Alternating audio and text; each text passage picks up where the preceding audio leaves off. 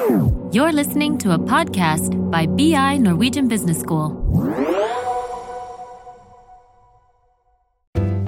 Jeg tenker på når du kommer hjem og møter kona di, og hun eh, stiller noen forslag som du er uenig i. Ja, bruker du forhandlingsmetodikken da? Ja, Ja, du gjør det. selvfølgelig. Ja, ja, ja. ja.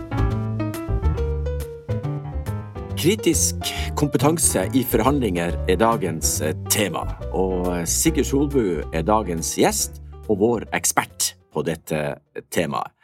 Sigurd har, i mange år, har mange års erfaring i å forhandle, og kurser både kjøpere og leverandører i forhandlinger. Velkommen, eh, Sigurd. Hei, takk, takk. Kan ikke du si litt om ditt firma og dine tjenester som du tilbyr i dag? Vi er, eh, vi er eh, spesialister innenfor salg, forhandling og kommunikasjon. Eh, Og den bakgrunnen vi har, da, det er jo det at vi har jo i alle år, siden 1991 så har vi vært tilknyttet store internasjonale selskaper. Og et av de selskapene har jo drevet utstrakt forskning innenfor hva de beste forhandlerne gjør, i, motsatt, i motsetning til de som er eh, eh, kanskje regnes som mer gjennomsnittlige forhandlere. Så vi vet en god del om eh, hva som fungerer eh, ute i, eh, i komplekse forhandlinger, og hva som ikke fungerer så godt. Ja. Du, dette, vil du si navnet på dette store firmaet? Ja, så det, dette her er et firma som er eh, i en større gruppe som heter Mila Hyman Group, som nå faktisk har gått inn i noe som heter Corn Ferry. Eh, Så det er en ganske stor eh, gruppe selskaper. Eh, I sin tid så kjøpte Miller Hyman Group opp flere typer selskaper innenfor salg og forhandling, deriblant et selskap som heter Hutwaite. Og det er jo der jeg kommer fra opprinnelig. Ja. Og Hutwaite, det er jo de som har drevet denne forskningen spesielt innenfor forhandlinger. Riktig, riktig. Så opprinnelsen var, så vidt jeg husker da, Neil Rackham. Kan det stemme, det? Ja, stemmer det. Neil han startet jo Hutwaite International, eller hva heter Hutwaite Research Group. Ja. Um, han hadde jo sitt utgangspunkt fra universitetet i Sheffield, ja. uh, og så var det en annen kollega der som heter Linda Marsh. Hun uh, ble med han og startet uh, Hutwaite Research Group, og de var spesielt opptatt av uh, salg og forhandling. Og uh, senere så har jo Neil uh, skrevet flere bestselgere innenfor salg. Og de er jo han er jo egentlig kjent over hele verden som en guru innenfor salg. ja. Er det, er det, det er utbredt i 33 land, eh, dette Ja, eh, ca. 33 land, ja. Ja. Mm. ja, ja. Veldig bra. Da er det tyngde i det vi snakker om i dag. Det bør det være. Ja. Sigurd, eh, forhandlinger det kan jo deles inn i flere faser. Og vi kan jo for enkelhets skyld dele det inn i det som skjer før forhandlinger starter, det som skjer under en forhandling, og det som skjer når forhandlingen er avsluttet. Mm. Mm. Sigurd, hvis forutsetningen er en ny kunde, hva legger du vekt på når det gjelder det som bør gjøres før en forhandling? Og da tenker jeg på forberedelser og planlegging. Altså Først så tenker jeg gjennom sånn litt sånn overordnet. Eh, Jeg tenker på mål. Eh, Jeg tenker på hvilke alternativer jeg har. Eh, Jeg tenker også på kommersiell interesse, om det er interessant eller ikke, om det er interessant for dem eh, å forhandle med oss.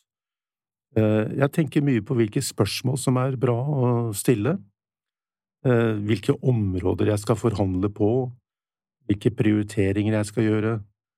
Eh, Og så er jeg veldig opptatt av mandat. Eh, eh, Og det viser jo mange altså Det er jo mange selskaper som kanskje slurver litt på det. Jeg tenker på hvis jeg må gi noen innrømmelser, hva, hva koster det meg? Eh, Og så må jeg tenke litt i forhold til eh, maktforholdet. Er dette her en stor aktør som jeg skal forhandle med? Eh, Er det en mindre aktør jeg skal forhandle med? Er det kortsiktige hva skal jeg si, kortsiktige avtaler, eller er det langsiktige avtaler? Og så tenker jeg litt også på liksom, Det er noe jeg må kjøpslå om, da. Og eventuelt om det finnes noen felles konfliktområder. Og tenker også på dette med å kunne se litt uh, hvilke områder er det vi har til felles. Fordi jeg er veldig opptatt av at det skal være en vinn-vinn, altså det vil si at begge partene går ut med og er fornøyde. Uh, det er gjerne de avtalene som på en måte holder seg best. Ja, du, du nevnte ordet mandat. Og eh, det er vel eh, at man har, et ansvar, eller man har en beslutningsmyndighet om å forhandle på forhandlingspunkter til ulike typer grenser. Eller kan du si det på en annen måte? Ja, altså mandat, det er veldig viktig. Fordi at eh, For det første så er mandatet Altså mandatet gir deg en fleksibilitet. Mm. Har du gjort jobben din med å få til et godt mandat, så, så kommer du langt. Eh, og det å få et mandat, det handler faktisk da om at hvis jeg skal skissere opp da, en, en, en eh, prosess på det, så handler det om å gjøre den interne jobben først, mellom kollegaer eh, eller avdelinger, som skal være eventuelle leverandører. Og så må man bli enige om hvor langt man skal gå. Så, det, så mandatet handler om hvor langt du skal gå. Det andre, det er jo, det er jo på en måte Når du da har det mandatet, så går du inn i en forhandling. Eh, og når du har forhandlet, og det har eventuelt blitt en bra avtale, eh, så har, du, så har du, da Da må du tilbake og hjem. Og så må du fortelle da hva, hva, slags avtale du har fått, for da skal du få de til å levere internt. Altså de som du da har fått dette mandatet fra, eh, de skal jo da levere. Eh, og, og, da handler resten om implementeringen, og hvor godt du implementerer.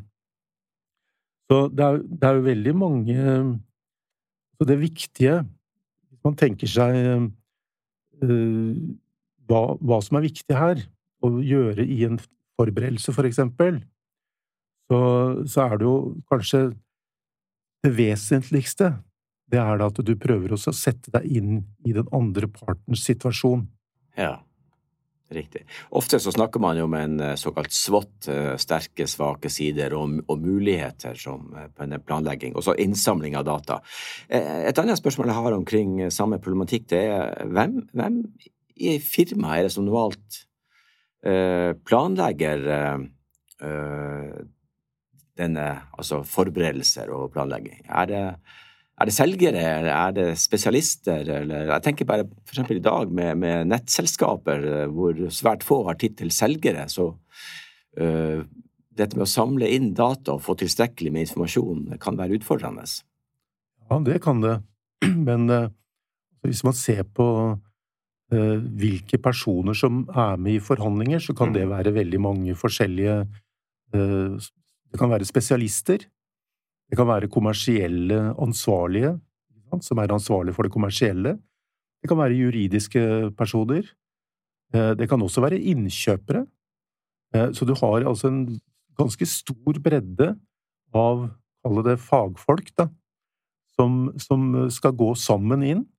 Og jo større og mer komplekse forhandlingene er, jo flere folk er jo involvert. Eh, så her gjelder det jo selvfølgelig å være veldig, veldig godt forberedt og samkjørt. Riktig.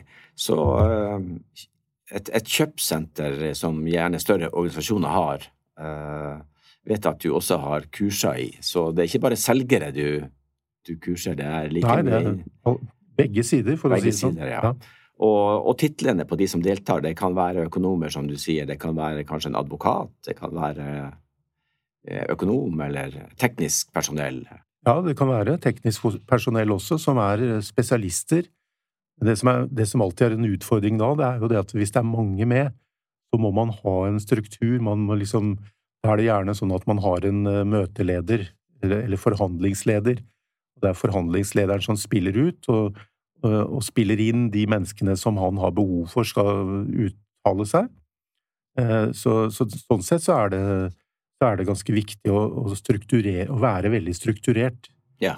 Uh, fordi det er, det er ganske Hvis man skal tenke seg dette å gjøre viktige valg, så er det viktig at man faktisk har uh, gjennomtenkt uh, forskjellige aspekter som er viktig å få, få fram. Så jeg tenker sånn Hvis jeg skulle sitte og forhandle, altså hvis jeg skulle forberede meg til en forhandling, så ville jeg nok eh, tenkt litt først, da, hva, hva, er egentlig målet mitt her? Um, hva er det som hva, det, hva, hva, ønsker jeg ut av denne forhandlingen her? Uh, hva slags målsetninger har jeg? Uh, hva, gjør jeg for å oppnå avtalen? passer denne her strategien inn i min, altså min forhandlingsstrategi? Passer det inn i salgs- og innkjøpsstrategien, for eksempel? Eh, så, dette her er, er, viktige punkter. Eh, så er det jo noen da, som kanskje også forhandler mer kortsiktige avtaler. Og da må jeg også bestemme meg for er det en kortsiktig avtale jeg er ute etter, eller er det en langsiktig avtale? Mm, mm. Uh, og tenk sånn i forhold til forhold til motparten, da, så må du også tenke på uh, hva er ditt langsiktige mål for, med, med, motparten, for eksempel? Hva vil jeg med dem? Mm, mm. Uh, hva slags uh, relasjon ønsker jeg å få til dem, hvis det er langsiktig? For det, det, det, er jo også veldig viktig i forhandlinger at man, opp, man, man bygger opp relasjonen på en, på en, bra måte. Yes, da er vi enige om at planlegging og forberedelser, det er halve forhandlinga, kanskje? Ja, altså du må, du må tenke alltid i forhold til uh, hvordan du vil oppnå forhandlingsmålet ditt, og vil dette her påvirke for eksempel de langsiktige forretningsmålene mellom disse to partene, da, eller mm. jeg og den motparten? Uh, og da er det også viktig å tenke litt å ha, ha, kanskje en idé, og tenkt ut liksom hvilken Altså, hvilket mål er det de har? Mm. Hvorfor sitter de her tvers over oss? Hva er det de ønsker å oppnå? Mm. Det handler veldig mye om interessene til begge parter. Eh, og tenke litt hva er det de oppnår, hvis de inngår en avtale med oss, for eksempel? Eh, og, og kanskje litt om hvilke målsetninger de har. Ja. Skal vi gå videre til neste spørsmål, eh, i samme bane for så vidt. Eh, dette med planlegging, da. Er eh, norske forretningspersonell, altså kjøpssenter og leverandører, og selgere, dyktige til å forberede, forberede seg? Kan, man, kan, du si noe om det, eller kan man si noe generelt om det? Ja, jeg kan godt si noe generelt om det, for det har vi, det har vi sett veldig mye fra, fra, forskningen vår. Og det er det at eh, når det gjelder Det er to ting vi skiller på i, i Hutweight. Eh, det ene, det er liksom selve forberedelsen. Eh, det andre, det er planleggingen. Sånn som det vi ser da, når vi er ute, så ser vi at folk er mye mer opptatt av, av forberedelsen. Eh, altså tallknusingen, da, for å bruke et uh, litt sånn uh, merkelig uttrykk. Eh, men de er mer opptatt av den biten der enn selve planleggingen. Og planleggingen, det handler jo om hvordan du skal utnytte det du har forberedt. Mm. Så det er en helt annen eh, Det er en helt annen setting. Og der savner jeg at noen, eller mange, faktisk øh, øh, setter seg ned og tenker hvordan skal vi gjøre dette her? Så det du sier er at uh, vi er muligens uh, flinke til å samle inn data, men vi er ikke gode på strategiske og taktiske operative systemer etter det er gjort, da? At vi i mindre grad utnytter den, de dataene som vi har samla inn? Ja, jeg, jeg, ser at det er mange som kanskje kunne gjort en mye bedre jobb der. Mm. Uh, og det, det, handler jo om i det i bunn og grunn da, så handler jo det om hvordan oppfører du deg ja. når du sitter der. Mm. Man kan godt ha gjort en del uh, gode vurderinger men, men, mer da sånn tallmessige ting. Man har satt opp en del ja, man, hvor man skal gå, hvor langt man skal gå, videre. Men så, så, ser vi ofte at da har de brukt så mye tid på dette at til slutt så, så sitter igjen egentlig med veldig liten tid på det som er viktigst, som vi synes er viktigst, og som vi ser at folk som er veldig dyktige, de bruker jo minst like mye tid på selve planleggingen eh, altså, i forhold til forberedelsen. Ja. For de vet at det, er der selve spillet er. Flott, Sigurd. Du, eh, hvis vi går eh, videre nå, da, eh, la oss også i selve forhandlinga, eh, og den er jo ofte fysisk, denne forhandlinga. Og som følge av korona så har det jo vært en god del forhandlinger nå som har blitt gjennomført via digitale kanaler. Hva tenker du, er det Får du samme resultatet, er det, eller er det enklere å forhandle og lykkes gjennom digitale kanaler enn fysiske møter?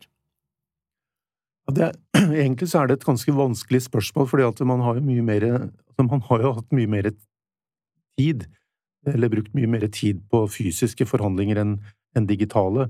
Det er først de siste to–tre årene som det har vært veldig mye digitale forhandlinger. Men eh, vi har jo fått noen tilbakemeldinger da, fra folk som, eh, som er på en måte mer subjektive tilbakemeldinger, men de, det de sier, er at når du sitter i samme rommet, så, så oppfatter du jo mange Altså, du oppfatter både kroppsspråket, du oppfatter eh, mange flere ting eh, samtidig eh, enn hvis du for eksempel sitter på Teams og skal forhandle, eh, hvor du ser eh, fire eller seks eller åtte ansikter.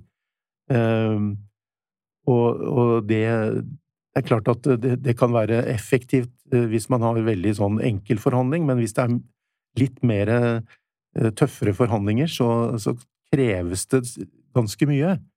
For det første, hvis det er digitalt, så kreves det jo en utrolig struktur. Eh, det er det ene. Det andre er jo det at eh, du ser nok ikke alt det altså det vi kaller for litt sånn skjulte ting da, som skjer. Eh, så, så jeg tror personlig så tenker jeg at, og ut ifra de tilbakemeldingene vi har fått, så tror jeg nok det at det er bedre med fysiske forhandlinger, for da har du Du ser jo folk i hvitøyet, for å si det sånn. Du får en mer følelse av ting. Eh, og, og jeg, jeg, jeg, henger nok eh, Holder en knapp på, på, akkurat det med fysiske forhandlinger, fordi at jeg har sett såpass mye bra forhandlingsatferd eh, når det er fysisk forhandling. Ja, Det er kanskje tyngre å føle på stemninga, kroppsspråket, følge med ja. på det og få det med seg, så, ja. så det høres mm. naturlig ut. Du, eh, da er vi over på dette med å gå i gang med innledende runder i en forhandling, eh, og man skal eh, møtes. Hva vil du si er viktig ved innledende runde i en forhandling? Altså, det, det jeg ville tenkt gjennom eh, i forhandlinger, eh, det er liksom eh, Har jeg nok forhandlingspunkter? Eh, har jeg, har jeg noen underpunkter på hvert punkt? hvis jeg satte opp punktene mine, da. Eh, for det viser seg at jo flere punkter, jo større bredde jeg har på mine punkter, jo mer fleksibel er jeg. Eh, jeg må tenke litt nøye gjennom Når jeg tenker meg altså målene mine, da, så må jeg tenke litt i forhold til hva er best, hva er beste resultatet jeg kan oppnå, og hva er det dårligste resultatet jeg må ha jeg, før jeg går fra bordet. For det må man også ha tenkt igjennom. Man har tenkt igjennom når, altså når skal vi gå? Eh, der tror jeg det er veldig mange som faktisk ikke tør å gå. Og vi har sett noen interessante resultater av det. At de kan ha sagt at det Vi kan ikke eh, Vi setter et tall, eller vi setter det nederste. Det er hit, men ikke lenger. Og så, det, så er det litt for vagt.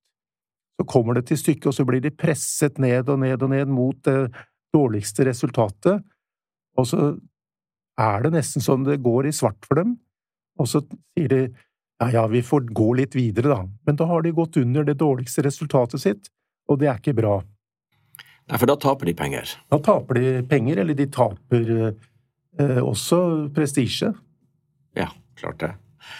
Du, eh, atferder er et eh, begrep, altså det vi sier og det vi gjør når vi forhandler. Eh, og vi snakker om atferder i forbindelse med forhandlinger, så, så kan det eksempel være å uttrykke Et eksempel er å uttrykke at vi respekterer og eh, anerkjenner et argument. Eh, eller vi kan si at vi er uenige. Er eh, bevisste valg av atferd en utbredt praksis eller et ukjent område for eh, forretningspersonell? Nei, det, er er ikke, det, er jo ikke det. Eh, men eh, jeg tenkte bare jeg skulle si en liten ting som, som ja. jeg tror er veldig viktig. Ja, gjør det. Eh, I og med at vi snakket om dette med bredden av forhandlinger og, og beste og dårligste resultat og sånt noe. Ja, ja, ja, eh, det med å ha et alternativ, det er viktig. Mm. Så det er mange som kanskje har lest denne boken fra Harvard som heter Getting to Yes, og de snakker om BATNA, Uh, best Alternative to Negotiated Agreement. Mm. BATFA på norsk, da. Og det også er veldig viktig, det å ha en ordentlig BATFA. Mm. fordi at det gir deg den derre fleksibiliteten. Altså, du må alltid vite, du må alltid, du må alltid på forhånd tenke ja, hva hvis alt stopper opp, da? Hva gjør vi da?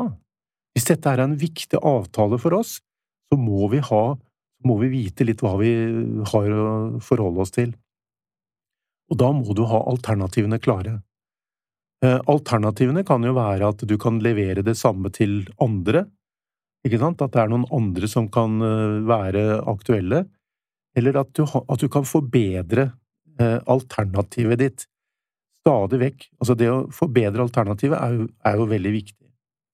Så jeg tenker veldig ofte det at hva en batna eller en batfa er, det er altså det beste alternativet på en avtale du har hvis forhandlingen skal låse seg fullstendig.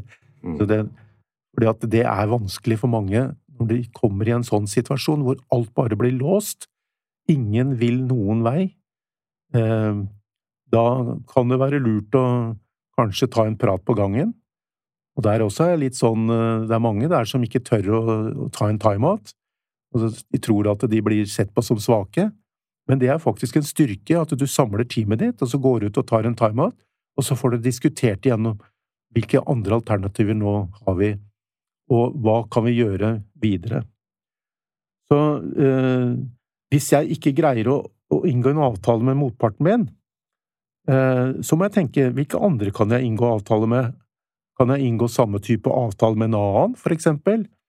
Hvilke andre muligheter har jeg? Har jeg, har jeg annen type avtale med en helt annen en? Altså, sånne ting så må jeg ha tenkt ut. Så må jeg utvikle, da, som jeg sier, Batman min skikkelig.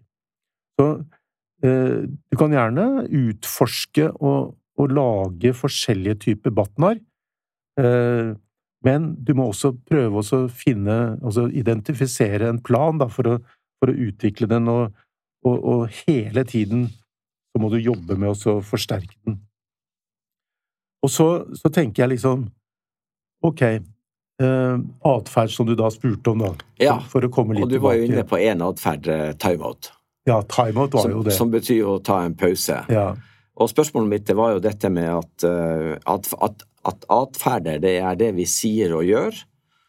Og um, et eksempel kan være å for eksempel er å uttrykke at vi respekterer og anerkjenner eventuelt da at vi sier også er at vi er uenige, kan jo være et motargument. Altså to forskjellige ja.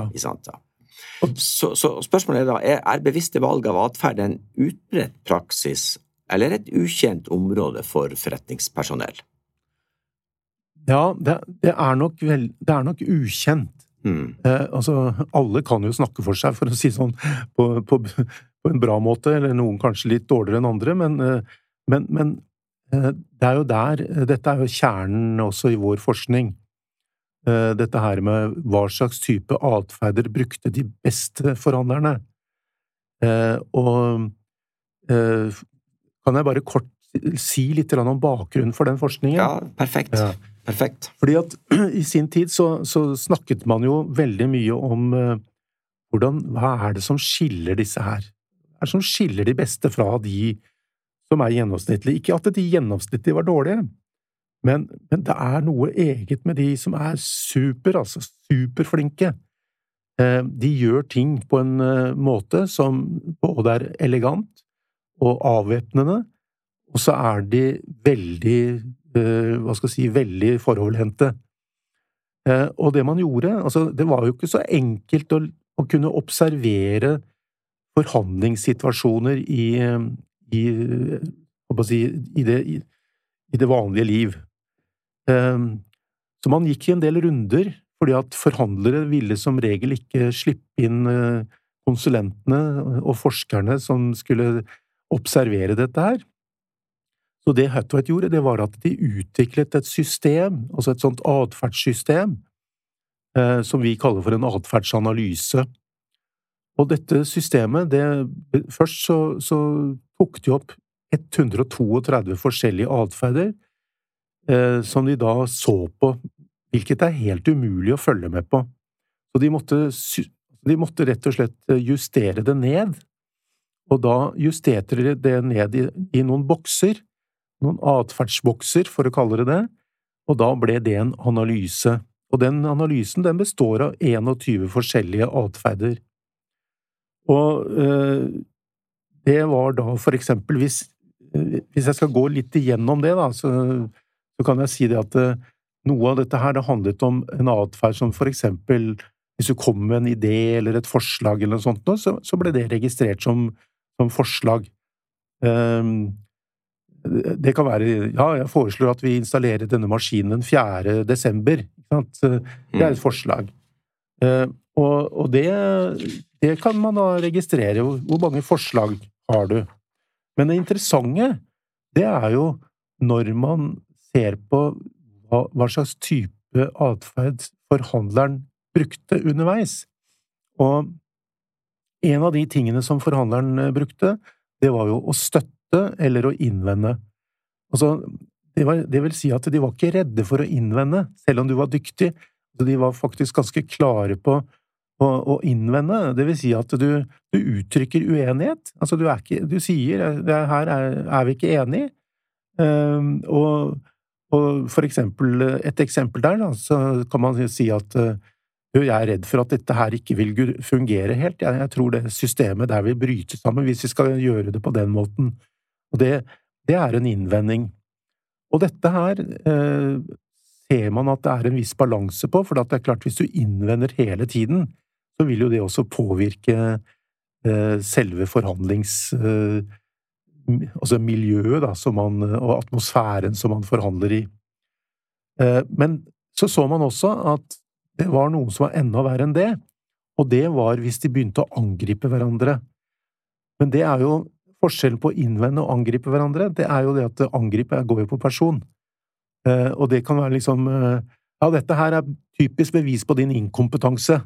Det er et angrep på den personen, og da blir det jo ikke Det blir ikke noe særlig godt mottatt. Og da så man at en av de tingene som de dyktige forhandlerne da prøvde, det var å unngå sånne ting. Selv om det var, om det var hett i forhandlingen, så, så prøvde man å unngå sånne ting man kunne innvende, for det, det gikk liksom mer på sak, da. Uh, og så var det det å støtte. Ja, det, det syns jeg var en veldig god idé. Uh, det så man på, og så at de brukte dette her ganske mye. Men uh, det som de så kanskje var det mest, altså si, mest interessante, det var hvor mye de dyktige forhandlerne søkte informasjon. Husk hva jeg sa innledningsvis, de er jo opptatt av interesse til den andre parten. Hvilke interesser har dere? Hvilke interesser har vi? Og da, da stilte de spørsmål i forskjellige typer, forskjellige varianter, som kunne få fram da interessen til den andre parten. Så de brukte altså spørsmål for å på en måte nærmest røke ut eh, eh, svarene fra, fra motparten sin, Eh, og, og det var en, eh, en, ja, faktisk en atferd som ble brukt to ganger, altså to i forhold til én, altså det vil si at de brukte dobbelt så mange stille spørsmål som eh, andre eh, gjorde. Eh, og, så er det selvfølgelig all, all, den gangen vi har behov for å gi informasjon. Både motparten og vi har jo behov for å gi informasjon. Det også er en atferd, men, men, ofte så kan det bli litt for mye av det. Man skal liksom forklare ting på, på en sånn detaljert måte, og det er ikke så effektivt, faktisk. Um, problemet til de som bruker altfor mange ord i en sånn forhandlingsrunde, det er at det, man tror at logikk fungerer, uh, men det gjør jo ikke det. Altså, det ikke altså Det som er logisk for meg, ikke logisk, trenger ikke å være logisk for deg. Så, så, sånn sett så, så, må man tenke på å faktisk prøve å finne nok spørsmål til å utfordre motparten med det. Uh, og så så vi en annen interessant ting, og det var det at vi så at dyktige forhandlere når det ble veldig mye sånn informasjonsflyt tvers over bordet, så hadde de behov for på en måte å lande en del ting. For hvis det er mye informasjon som svirrer rundt i rommet, så er det viktig å få det ned. Og da, eh, da testet de faktisk om de hadde forstått eh, hva som ble sagt. Så teste forståelse. Og det, det er eh, det er jo sånn at ja, er vi da enige om dette punktet, for eksempel, var det så at vi var enige da, det, eh, på dette punktet. Og da så man jo at det blir mye mer klarhet. Og så oppsummerte man mye. Man brukte også tiden til å oppsummere ting som man hadde snakket om, som man var blitt enige om, kanskje sortere ut hva man ikke var helt enig i, men man var veldig opptatt av å være, å være klar på liksom, ok, hvor er det vi nå har en felles plattform? For de bygger den stadig større og større. Så, så det, var en, det, var en, typisk uh, sak som vi, som vi så uh, de brukte mye. Uh, dyktige forhandlere er også veldig opptatt av å ikke avbryte for mye. Det, det, er, det, det er det i hvert fall. Men de bruker, de bruker avbrytelser hvis de ønsker å styre samtalen inn på et område men de bruker det når de må, ikke for mye. Så det er noen av de tingene som, de, som vi så, da. Imponerende liste av atferder og eh, avbrytelser. Det er vel det vi møter hver dag, alle sammen, tenker jeg, i, eh, ja. i, i, i livet vårt. Eh, interessant å høre at fra 132 atferder til 21. Ja. ja. Og eh, det å stille spørsmål er viktig. Ikke, ikke gå på person, gå på sak. Og, eh, og til slutt, da, eh, dette med, med, nok en gang da, innvendinger som vi skal holde oss borte fra. Yes, Sigurd? Ja, altså jeg kan, jeg kan oppsummere dette her med to ting. Så det vi så at uh, de dyktigste forhandlerne var veldig opptatt av å bruke, det var søke informasjon, Eh, det å teste forståelse og oppsummere, og gi følelser. Mm. Men de kunne også gjøre noe annet, som jeg hadde tenkt å bare si litt før eh, her, og det er det at eh, de, de faktisk flagget atferder. Så de kunne for eksempel si, hvis de ønsket å få mer oppmerksomhet, kunne de gjerne si at kan jeg få lov å stille et spørsmål? Eller kan jeg få lov å oppsummere? Og det betyr å flagge? Det betyr å flagge. Ja. Eh, og da flagger man liksom at ja, nå må dere lytte her, nå kommer det et spørsmål, eller nå kommer det en oppsummering. Eh, så, så de brukte altså en del eh, flagging på, på disse atferdene. Det de prøver å unngå av atferder, det er å flagge innvendinger. Altså, ja, nå må jeg bare si at jeg kommer til å være helt uenig. det, det, det er ikke så bra. Da stiller gjerne motparten seg i en forsvarsposisjon. Eller motforslag. Så motforslag, det er at jeg stiller et forslag, og du hører ikke på hva jeg sier, og så kommer du med et annet forslag. Da kan vi sitte og spille pingpong sammen. Eh, og så var det også en annen ting som de også ikke ville bruke så mye av, det er det vi kaller for irritatorer, altså sånn, ja, sånne, sånne litt merkelige ting. Ja, dette her har du kanskje ikke peiling på, men det har jeg, ikke sant? Det, det er en sånn irritator. Og så var de selvfølgelig opptatt av å ikke bruke disse her eh, angrepsatferden eller, eller forsvare, forsvare, seg. Det, det, var noen av de tingene som de, som de faktisk eh, var veldig opptatt av å ikke bruke. Så, så de har Altså, vi kan se klare mønstre når vi analyserer eh, og observerer eh, forhandlinger. Så vil vi se klare mønstre på hva de dyktigste er. Og vi kan, vi kan sammenligne dette med for eksempel hvis vi kjører et kurs, så sammenligner vi dette her med det vi kaller for best practice. For da har vi liksom idealtallene, eh, og så ser vi da liksom ja, hm, her kan du gjøre mer av dette her, du kan kanskje søke mer informasjon, eller du kan kanskje oppsummere litt og være litt klarere på det, og, mens du, må ikke avbryte så mye, sånn at du kan gi, du kan gi deltakere, og også folk som, som sitter i reelle forhandlingssituasjoner, en god tilbakemelding. Tusen takk, Sigurd. Det var en uh, utfyllende forklaring på, uh, på atferder. Du, jeg har en del forhandlingspunkter og et, og et kort, kort eh, mini-eksempel mini på en uh, reell forhandling. Uh, så jeg tenkte å utfordre deg på. Er det greit? Det er greit. Du tar sjansen. Du, um, det gjelder da en forhandling om en ny leiekontrakt for kontorlokaler, altså kontorlokaler. Og selgeren, leverandøren, er Kontorutleie AS, og kjøperen er da Organisasjonsutvikling AS. Disse, partene, disse to partene har hatt flere møter, og de har hatt visninger, og selskapene kjenner hverandre ganske godt på dette stadiet. Organisasjonsutvikling har valgt å invitere kontorutleie eh, som en av to mulige leverandører, altså, og til en sluttforhandling da, som holdes i Organisasjonsutvikling sine lokaler. Så det er altså Organisasjonsutvikling som inviterer da kontorutleie til sine lokaler. Er det et smart trekk av kjøper å invitere en mulig ny leverandør til sine lokaler? Ja, det kan være det. Eh, men det er klart at hvis de er eh, interessert i, i godt, en god relasjon, så, så, så, kan det jo være det at eh, at man kan møtes på en uh, nøytral plass også, uh, selvfølgelig.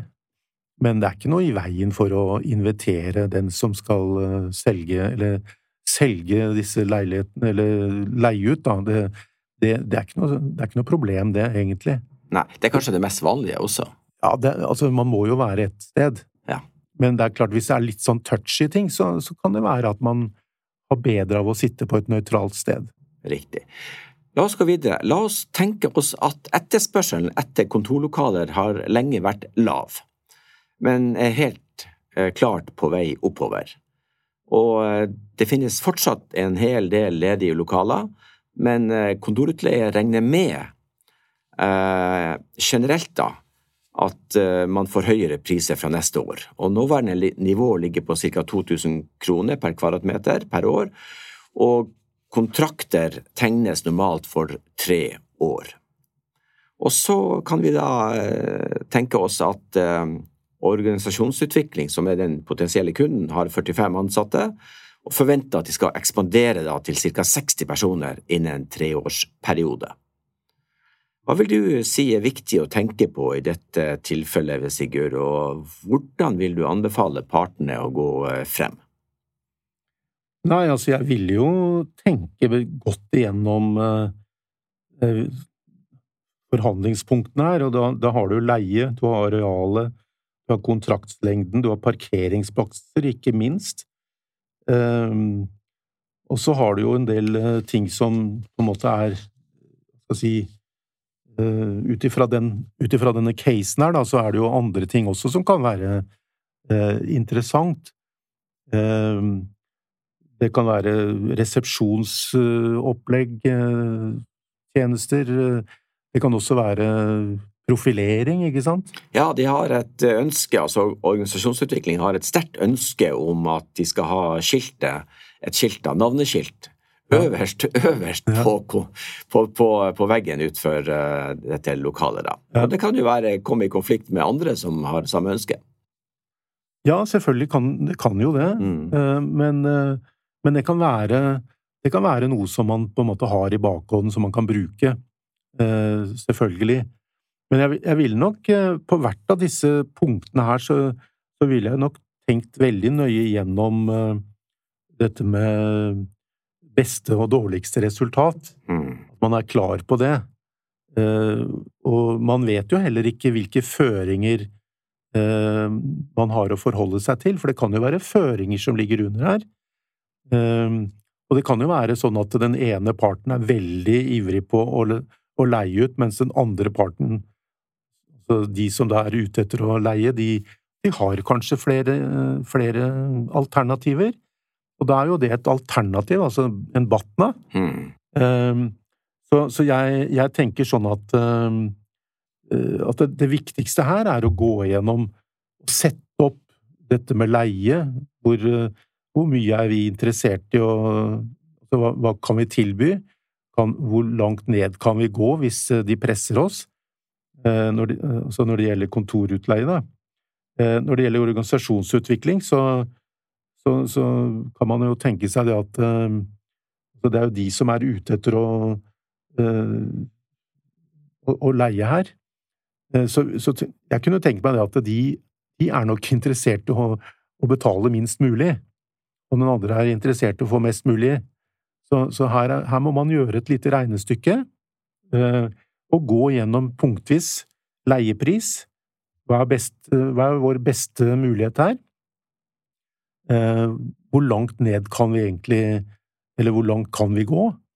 Eh, arealet er Trenger vi dette arealet nå? Eh, hvor mange mennesker har vi? Hvor mange mennesker kommer vi til å ansette i løpet av en toårsperiode, for eksempel? Ligger det noen muligheter her? Og så er det det med kontraktslengden. Alltid veldig viktig å tenke litt igjennom kontraktslengden. Har man samme oppfatning, altså vil den ene kanskje ha fem år, altså den som leier ut, kanskje vil ha fem år, du vil kanskje bare ha to år, eh, og dette her er jo det som på en måte er noe av som står på spill her, da, kan du si. Og så er det parkeringsplasser, som alltid er vanskelig, her er det jo, det er jo i sentrum, eh, kanskje ikke mange muligheter, og da gjelder det å, å være litt sånn oppmerksom på det, og så kan det hende at, de har, at organisasjonsutvikling har et annet sted, som de også har som et alternativ. Eh, og da kan det være bedre der, for der kan man da parkere og til og med ha gjester som eh, kan parkere. Eh, det kan være at det ligger litt mer sånn litt mer ålreit til. Så det, det er litt hva man gjør ut av den biten der, sånn. Supert. Eh, da har vi vært gjennom en del forhandlingspunkter og eh, hva man bør tenke på. Og det er klart at, at den parten som, som, stiller sterkest, har størst mulighet til å, å vinne sitt, sitt, mandat, for å si det sånn. Men makt er jo litt inni her, og da er vi inne på makt, Sigurd. Det er klart at er du er det ingen lokaler å få tak i, så har man, har man mye som leverandør mye makt, og, og, og, er det mye ledige, så er det jo mindre makt, ikke sant? Men hva tenker du om dette med å bruke makt i, i, eh, i denne sammenhengen her? Nei, jeg tror det er veldig, veldig bra, jeg, å bruke det. makt er ikke noe sånn negativt ord. Altså, makt handler jo liksom hva slags uh, si, renommé har man? Ehm, så er det jo dette med markedet, ikke sant. Ehm, kildene til makt ligger jo liksom i, i den historien man har hatt, og, og, hvordan man har bygd seg opp. Ehm, og så handler det om markedet. Hvis det er et marked som, hvor det er veldig mye ledig, så har man jo makt. Da kan man jo bruke det. Hvis det er veldig vanskelig å få lokaler, så er det jo utleier som har makten. Men jeg tror det at det, hos veldig mange så sitter på en måte makten i hodet. Altså, du tenker at å nei, de er så sterke, de er så store, eh, og så gir man seg litt på det. Eh, jeg tror at det, det å tenke seg Tenke litt igjennom, da, og gjøre disse forberedelsene som vi har snakket om, og tenke litt igjennom hva er det vi hva er det vi kan bruke her? Og da tenker jeg sånn, bare sånn for å gå litt tilbake til den casen, da, så tenk da at Altså, tenk denne utleieren. Hvis det er et veldig sånn prestisjefylt eh, firmanavn som, eh, som, henger på veggen, eller på, på, et skilt, svært skilt, lysskilt eller hva som helst, som er oppe på toppen av, av bygget, så er det klart at det er jo en fjær i hatten for en utleier å ha eh, kjente selskaper. Eh, så sånn sett så kan man bruke det som en maktfaktor. Mm. Eh, så, så jeg vil si at uh, at man må bruke det man har, og det, det, er, det, er, også veldig viktig da at man forbereder seg på sånne ting. Er det noen andre ting som vi kan bruke her, som, som på en måte gir enda mer styrke til oss, så bruk det. Flott, Sigurd. Du, da, da har vi vært innom eh, ja, kanskje de mest sentrale temaene om forhandlinger. Og hvis du skulle gi noen råd til de som ikke er erfarne i forhandlinger, hvordan, eh, hvor bør de starte? Bør de ta et kurs hos deg? Det var kanskje et litt ledende spørsmål. ja, det var ledende spørsmål. Det, de kan jo lese De kan jo alltid lese bøker. Finnes mange ålreite bøker innenfor forhandling, og jeg har jo nevnt en av dem, da, Getting to Yes.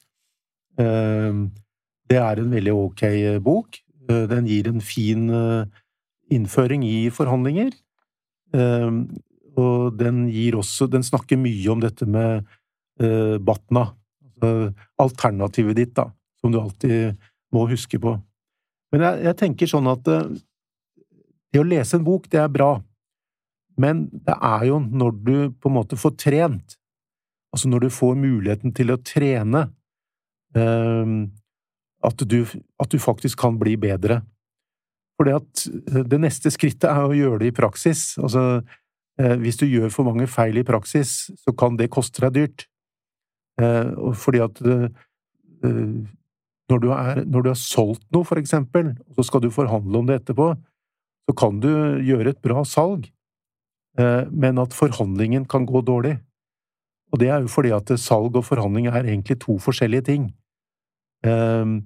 Og, og, det er det som gjør at mange blir litt sånn engstelige når de går inn i forhandlinger, fordi at det er, de er på en annen arena som er litt ukjent. Så jeg vil si det at uh, har du muligheten til å trene, uh, så, så, gjør det. Og, og, vi gir jo den veiledningen. Så vi har jo trent veldig mange selskaper rundt omkring, i, både i Norge og i resten av verden. Men hvis jeg skal snakke her om Norge, da, så er det jo blant de store selskapene som vi har vært innom. Og, og jeg har jo hentet noen av eksemplene her nå i dag fra de store selskapene. Så um, det er mange av de som på en måte også har utfordringer når det gjelder å gjøre en bra jobb når man skal forberede seg og gjennomføre forhandlingen. Og så er det jo dette her med å avslutte, da. Så hvordan er det du avslutter det hele? Liksom, hvordan skal du knytte alle disse trådene sammen igjen? Det også er jo veldig viktig å få gjort, da. Flott, Sigurd. Tusen takk for eh, gode eh, råd. Og med det så vil jeg takke vår eh, forhandlingsekspert Sigurd Solbu for å dele sin kunnskap med oss. Takk.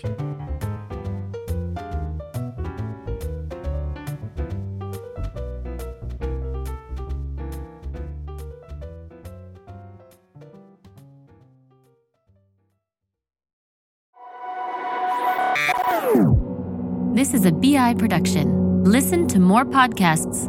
Go to bi.no slash podcasts.